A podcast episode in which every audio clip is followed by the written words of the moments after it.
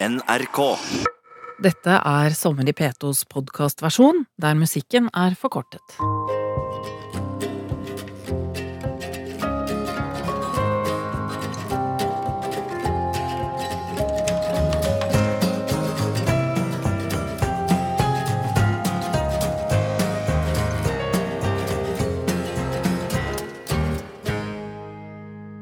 Hva er å virkelig leve livet sitt? Kan man ikke leve sitt eget liv? Leve noen andres liv? Kan man være så glad i noen og redd for å miste dem at man glemmer å være hos seg selv? Kan man være så redd for å gjøre feil at man ikke klarer å se når man gjør noe riktig? Og kan man være så opptatt av hva andre tenker at man ikke lenger vet hvem man selv er og hva man vil? Hva vil det si å ha det bra? Kan man ha det bra selv om livet er utfordrende og vanskelig?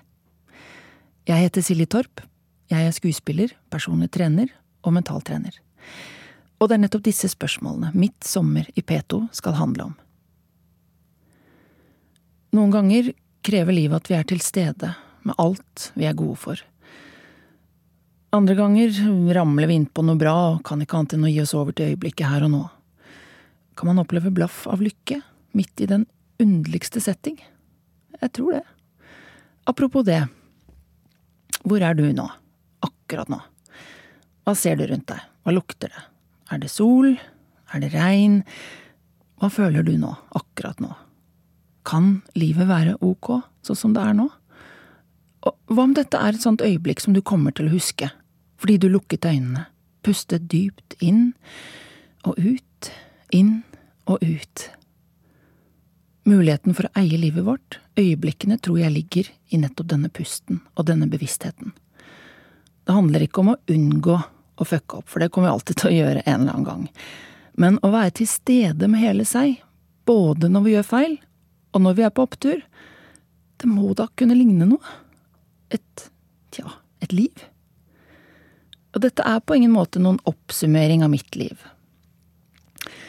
Det er kanskje heller en serie små snapshots, ting som på en eller annen måte har festet seg, formet meg eller fått meg til å tenke. Jeg har vært med på oppturer som jeg ikke husker en døyt av, eller føler noe eierskap til, fordi jeg kanskje ikke egentlig var der, ikke med hjertet. Eller så turte jeg ikke å eie de helt, kanskje fordi jeg ikke kunne tro at jeg fortjente alt det fine som skjedde meg. Og så har jeg opplevd mye som sett utenfra virker bitte, bitte lite, eller er helt på siden av store begivenheter, men jeg nevner de likevel, for det er utrolig hvor mye liv det er i alle de småtingene.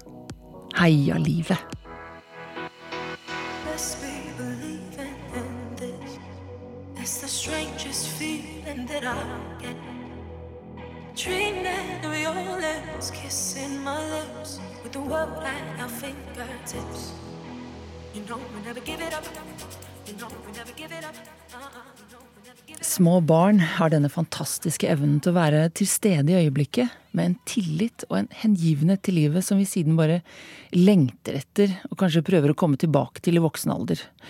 Ja, også jeg. Kanskje et savn etter den fullstendig trygge følelsen der du bare kan slippe deg bakover, og livet tar deg imot. Eller noen tar deg imot. I mitt tilfelle mamma. Et av mine første minner. Jeg sitter i vogna mi, jeg er kanskje to, to og et halvt år. Jeg har en hjemmestrikka lilla lue med dusk på, som jeg svinger frem og tilbake og kaster på hodet mens jeg følger dusken med blikket. Og mamma dytter vogna.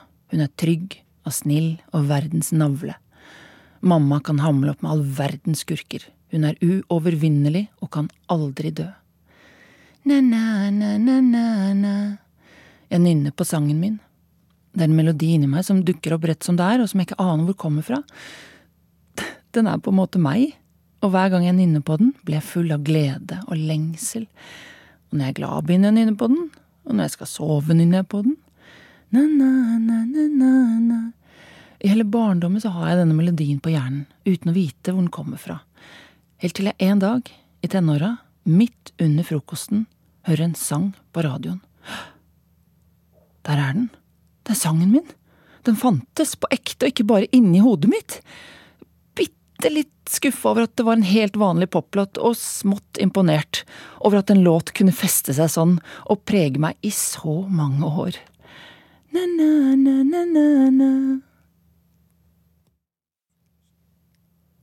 Jeg ligger rett ut i en stripe av sol på stuegulvet i byleiligheten til familien. Vinduet er åpent, og det er vår, og jeg er 15 år. Jeg ligger og bare er i denne varme stripa av lys. Jeg husker ikke hva som skjedde før eller etterpå, kun dette her. Dette lille øyeblikket. En eksplosjon av stille lykke som har etset seg inni meg. Jeg har faktisk lengtet meg tilbake til dette øyeblikket mange ganger. Hvorfor? Tja, jeg, jeg bare var. Og kanskje hadde det noe med at jeg hadde hele livet foran meg. Kanskje spilte jeg noe av Prince på anlegget. Jeg vet ikke, for jeg, jeg husker ikke lydene rundt meg. Jeg husker ikke hva jeg hadde på meg, eller om jeg hadde vært på skolen den dagen, om jeg hadde kranglet med noen, eller om jeg hadde fått en drøss med nye kviser. Ingenting av det der var viktig.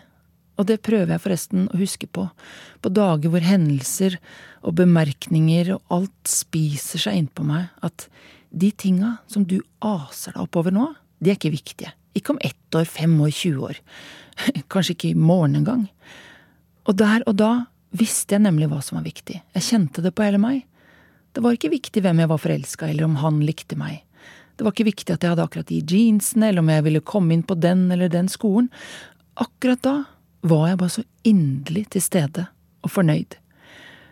Og klokere enn jeg var den dagen, tror jeg ikke at jeg kan bli, og det er jo, det er jo litt spesielt å vite at jeg pika som 15-åring, liksom, men sånn er det bare. Det er rart, det der med minner. Noen av dem sniker seg innpå oss i etterkant og bare krever plass. Andre tror man at man vil huske, men så gjør man det ikke. Man skulle tro at jeg ville husket mitt første kyss, eller intense øyeblikk fra ferieturen til Italia, men for min del dreier det seg om små øyeblikk av intenst nærvær, av liv, mitt liv. Og dette er Silje Torp, og programmet er Sommer i P2. Og dette er mine tanker om livet. Ikke hvordan det skal leves, men at det må leves.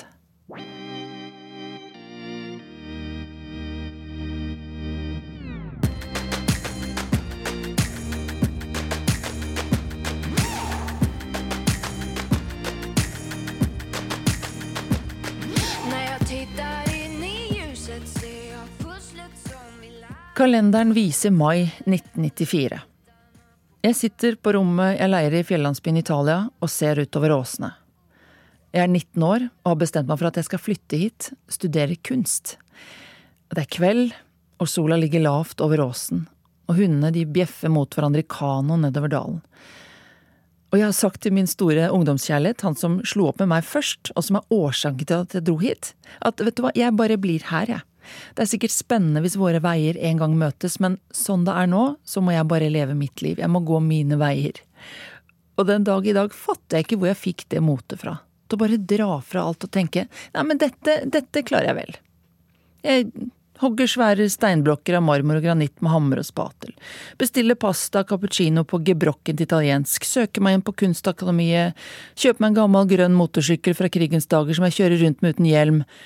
Opp til rommet i huset jeg leier hos den engstelige amerikanske damen med sønnen som bare får økologisk mat, og ikke får leke fritt for han kunne jo skade seg.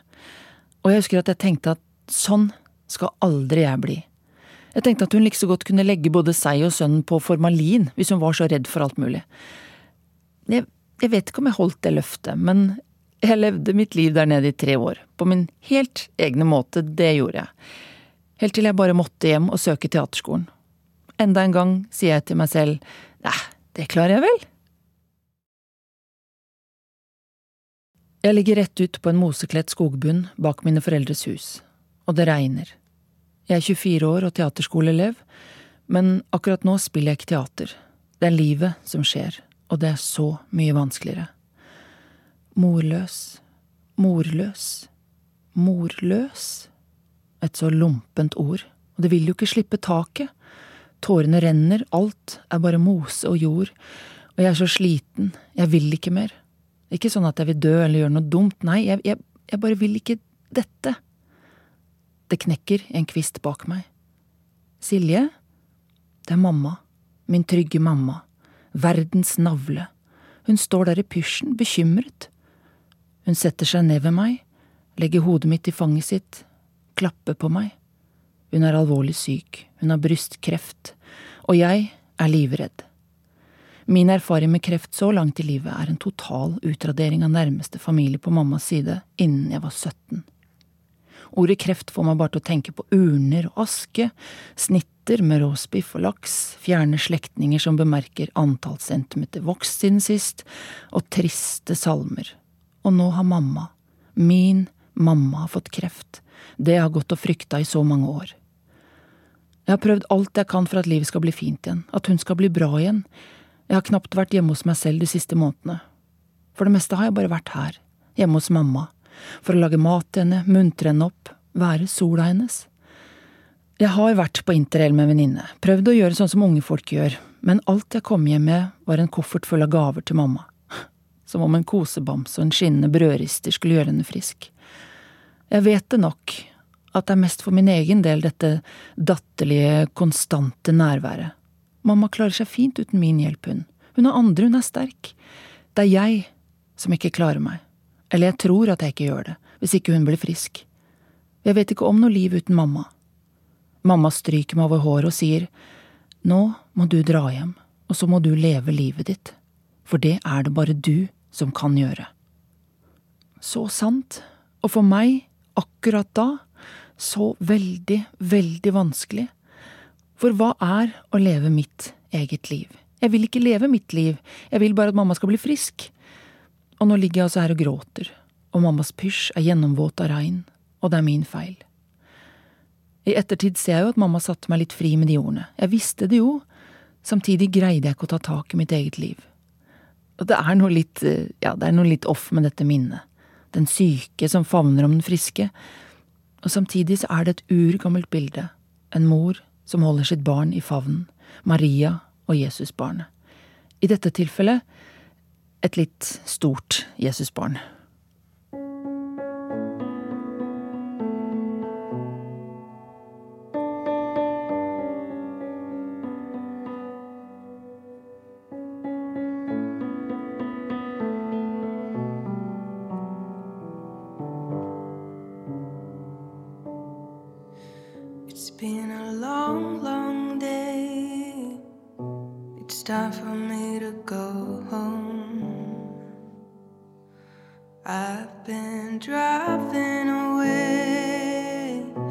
As fast as I can. I've got the situation under control. I make myself a cup of tea and see the sun go down as it color the skies like they're talking to me. Why did it look so damn good? Noen minner får relevans i etterkant. Der og da vet vi kanskje ikke at vi skal huske de, ikke på, ikke på den måten. Sånn som dette. Jeg står midt i en bølgende folkemengde. Vi danser, det er natt, alt har høy puls.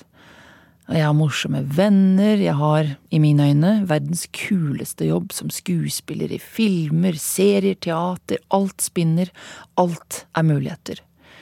Jeg lever livet, tror jeg. Jeg er litt usikker på om det var dette mamma mente med å leve livet, men her er jeg nå en gang. Og jeg vil ikke stoppe opp, jeg vil ikke kjenne på den der lille redselen jeg vet lusker baki der et sted. Jeg vil ikke være hun som er redd for alt, som legger seg ned i skogbunnen, som trasser mot livet. Kan hende er livet mitt der hjemme, i hybelleiligheten med alt rotet og de ubetalte regningene, alt som står og venter på meg. Kan hende er det det som er å virkelig leve livet sitt, å møte rotet, de vanskelige samtalene, sørge for å sove nok, spise, trene, ja, ta tak, liksom. Men livet er jo også heftige opplevelser, kaos, tåle at alt ikke er på stell. Og akkurat denne natta, som mange andre i den perioden, føltes det riktig og godt å slippe taket i alle bekymringer, all kontroll, bare være midt blant alle disse menneskene, og kjenne at jeg følte meg hjemme sammen med disse andre som heller ikke hadde fullt koll på absolutt alt. Og der står plutselig han i utkanten og smiler lurt mot meg. Han jeg alltid på et eller annet vis skal ha i livet mitt, som kjæreste som pappa til mine barn, og siden som venn, en som alltid kommer til å være der i livet mitt. Det var overhodet ikke noe aha-øyeblikk der og da, men nå i etterkant ser jeg jo det at det var et viktig øyeblikk og et viktig møte. Et som skulle få store konsekvenser. Og i mitt hode er dette øyeblikket blitt både noe fint og litt trist, et øyeblikk som i etterkant rommer både et møte og et farvel, for jeg vet jo hvordan det går. Allikevel så mye kjærlighet. Alle går vi gjennom ting som i perioder tar over livet vårt fullstendig, som herder oss eller bryter oss ned, og driver oss lengre vekk fra oss selv eller nærmere oss selv og de vi elsker. I etterkant blir de kanskje bare bleke minner, men der og da så er de alt. Spørsmålet er hvilken historie forteller vi oss selv i etterkant? Lenge fortalte jeg meg selv alskens tullball, at jeg ikke var bra nok, at jeg ikke var kvinne nok som ikke klarte å lage barn, Løgn. Vi skal ikke alltid tro på det vi tenker om oss selv. Jeg sitter på kanten av en sykehusseng i en lang skjorte. Jeg er 31 år. Vi har prøvd å få barn en stund nå, og det samme skjer hver gang. Beina dingler bleke under meg. Det er ikke ofte jeg føler meg liten, men akkurat i dag føler jeg meg som teskjekjerringa. Jeg er sint, groggy og lei meg og jeg holder meg på trass fast i sengekanten så knokene er like hvite som skjorta mi. Jeg nekter å forlate senga før jeg får svar. Jeg vil vite hvorfor vi mistet enda en gang, for dette er fjerde gang. Jeg vil ha et kjønn på barnet mitt, noen å sørge over, en årsak til at jeg sitter på oppvåkningen og er skava opp på innsiden nok en gang. Uflaks? Mulig men alt har en årsak, og jeg vil vite den. Så får jeg heller være hun strie, hun som vil diskutere med opptil flere travle leger, som slett ikke har tid til uforutsette prøver og vanskelige pasienter denne dagen. Men jeg vil ikke være grei, ikke i dag, for dette er mitt liv, mine dager, timer, minutter, sekunder, det er min kropp og mine spørsmål som jeg må forsøke å besvare så godt jeg kan. Det er noe vakkert i å kjempe når man må, og hvile når man kan. På utsiden står han og venter. Han kjører meg hjem, hjelper meg til sengs, og så ligger vi der og gråter begge to, ansikt mot ansikt. I kjernen av alt dypt menneskelig finnes kjærlighet, enten vi beveger oss vekk fra den eller nærmer oss den. Og jeg liker å tenke at jeg alltid har beveget meg mot kjærligheten, koste hva det koste vil. For det er også kjærlighet, å være tro mot seg selv, i en stri og trassig higen etter sin egen sannhet, for ikke å drukne. Jeg er 33 år. Jeg ligger med hodet i fanget på min mor. Igjen. Vi har det med det, hun og jeg. Denne gangen i et baksete på en bil, og han kjører så fort og forsiktig han bare kan mot sykehuset. Riene kommer oftere og oftere nå. Mamma, som har blitt med fordi jeg nektet å slippe hånda hennes da hun skulle hjelpe meg inn i bilen, stryker meg over håret. Det føles helt naturlig at hun skal være med. Jeg vet ikke hvor enig samboeren min er der og da, men han har i ettertid sagt at det var veldig fint og meningsfullt, at vi var der alle tre da lillemor kom til verden. Merk også at han var den som sa til meg, helt uten bitterhet eller sinne, vet du hva, Silje, jeg tror jaggu at din største kjærlighet er mora di. men Nei, det stemmer nok ikke helt, fordi hjertet har jo plass til mange. Og plutselig ringer alarmklokka på telefonen min der i baksetet. På tide å stå opp. Men jeg har vært oppe hele natta og pustet meg gjennom hver eneste rie, og den absurde, inntrengende lyden får oss til å le spontant. Så slår det meg at jeg ligger her, omkranset av de to menneskene som jeg elsker aller mest i hele verden, og vi kan le mens jeg rier. Livet er rart, og så sabla fint. Jeg klarer å tenke det mens jeg ligger der, at jeg er heldig som får oppleve dette. Jeg vet liksom ikke om noe annet enn at livet er rått og vidunderlig godt på samme tid, og sånn har det vært så lenge jeg kan huske. Er det bra eller dårlig? Jeg vet ikke, jeg vet bare at det er sånn mitt liv er, og snart skal jeg få se datteren min for første gang, hun har lengtet etter mer enn noe annet. Hun som i dag er elleve år, og inne i en periode der hun er mer hest enn menneske. Ja, det er blitt helt dagligdags å se henne dundre av gårde på alle fire, bukke, trave og hoppe over svære stabler med puter.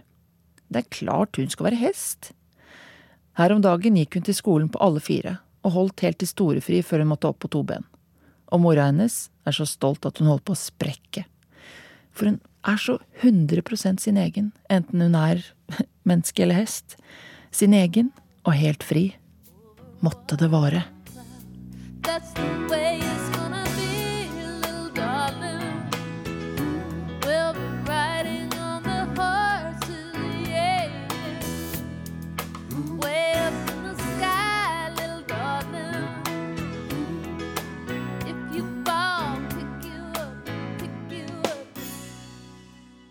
Syns du jeg var flink, mamma?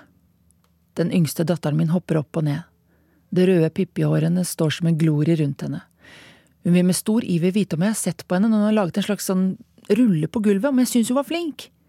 Flink, hva er nå det? Når gir vi det plass og mening? Ingen har vel noensinne blitt lykkelig av å gå rundt og være flink hele tiden, og jeg vil ikke at hun skal henge seg opp i verken om hun er flink, eller være opptatt av hva jeg syns. Ja, jeg syns uansett at hun er absolutt strålende, jeg fins jo ikke objektiv, men jeg vil at hun skal finne ut hva hun syns om seg. Så jeg spør, ja, hva, hva, hva syns du selv, da? mm, uh. Hun tenker seg om. Dette har vi vært gjennom utallige ganger. Hun ser på meg litt trassig. «Mm, Jo, ja, hun var ganske fornøyd med den rulla. Jo, jo, jo, det var en bra rulle, det var gøy. Jeg fikk en sånn bra landing som ikke var så skeiv som de andre gangene. Så bra, sier jeg. Jeg så jo at du hadde det gøy. For hvorfor skal vi overlate den jobben til andre?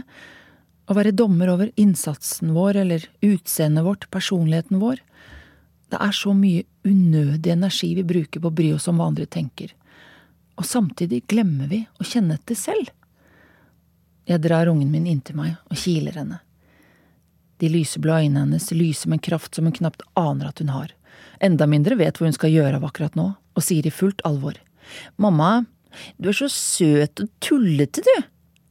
Og så gir hun meg verdens varmeste og mest snørrete klem. Og jeg er solgt. Eh, det spiller ingen rolle om Hollywood vil ha meg, eller om jeg noensinne kommer til å få til denne kjærligheten igjen. Nei, move over, altså. Dattera mi syns jeg er søt og tullete. Jeg er 44 år. Det står kokosboller på bordet hjemme hos mamma. Mistenkelig mange saftige, store kokosboller fra mammas favorittkokosbollefabrikk. Jeg stusser litt. Så mange? På en tirsdag, hva feirer vi?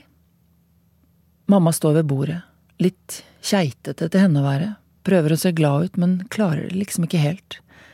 Er hun litt rød og blank i øynene? Har hun grått? Hva er det jeg ikke får med meg her? Jeg setter meg ned, begynner på en kokosbolle som vokser i munnen på meg, og prøver å ignorere det faktum at hver celle i kroppen min skriker at noe ikke er helt som det skal. Mamma står fortsatt, hun ser intenst på meg, som om hun tar sats. Så kommer det bitte lille øyeblikket jeg skal komme til å huske enten jeg vil eller ei. En ørliten dirring på det ene øyet før hun sier De har visst funnet noe igjen.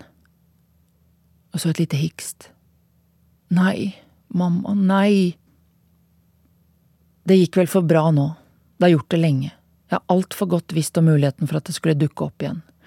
I hver minste forkjølelse og ryggvondt har jeg søkt etter tegn på at kreften kunne være tilbake. For når man har opplevd det én gang, så er man liksom aldri helt trygg. Man er alltid litt utrygg, og veldig takknemlig. Dette er prisen vi betaler for å elske, denne evige sårbarheten i å ikke vite hvor lenge vi har hverandre. Vi er noen kamikazepiloter hele gjengen.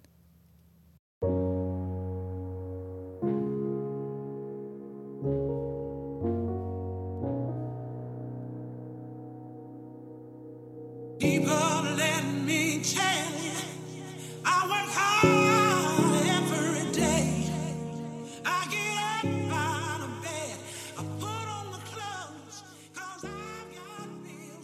Jeg vet hvordan det er å kjøre gamle motorsykler uten lappen i et fremmed land. Og jeg vet hvordan det er å ligge i skogbunnen når det regner. Det er faktisk overraskende mykt og behagelig, forresten. Jeg har vært på forsiden av et dameblad, spilt i kule serier, skrevet bok, gjort ting som kanskje kan virke imponerende, eller ja, fullstendig tullete, hva vet jeg. Sett utenfra kan det i hvert fall synes som at jeg har det meste på stell. Men hvem har vel det? Ikke jeg. Jeg har egentlig bare blitt god på å prioritere, for det er mye jeg ikke bryr meg om lenger. Og så er det noen få ting som jeg hegner om med alt jeg er og har, nesten med hjertet på utsiden, og det er alt jeg elsker, og alt jeg tror på. Og jeg har fortsatt en følelse av å ha alt foran meg, for jeg, jeg har jo det. Vi har alle det. Vi kan jo ikke leve livet bakover eller i forkant. Vi kan bare være her og nå. Jeg sitter på gulvet i stua vår og ser på hesten som elegant hopper over svære stabler med puter. Pippi kommer og legger seg med hodet i fanget mitt og sier Kommer bestemor til å bli bra igjen? Hesten stopper opp. Begge ser bekymret på meg. Ja da, sier jeg, det vil nok gå bra, bestemor, hun er jo en fighter. Og jeg kjenner at jeg blir rørt og stolt når jeg sier det. For hun er jo det, min mamma, fighteren. Og i samme øyeblikk, nesten som i en film, så smyger en stripe med sol seg inn på stuegulvet og lyser opp dette bildet. En mor med sitt barn i fanget. Ja, og ved siden av dem en slags hest og en stabel med puter. Og i akkurat dette lille øyeblikket så våger jeg å kjenne at livet er godt, i all sin skjøre lykke. For det er det vi må. Insistere på at det er mer godt enn vondt.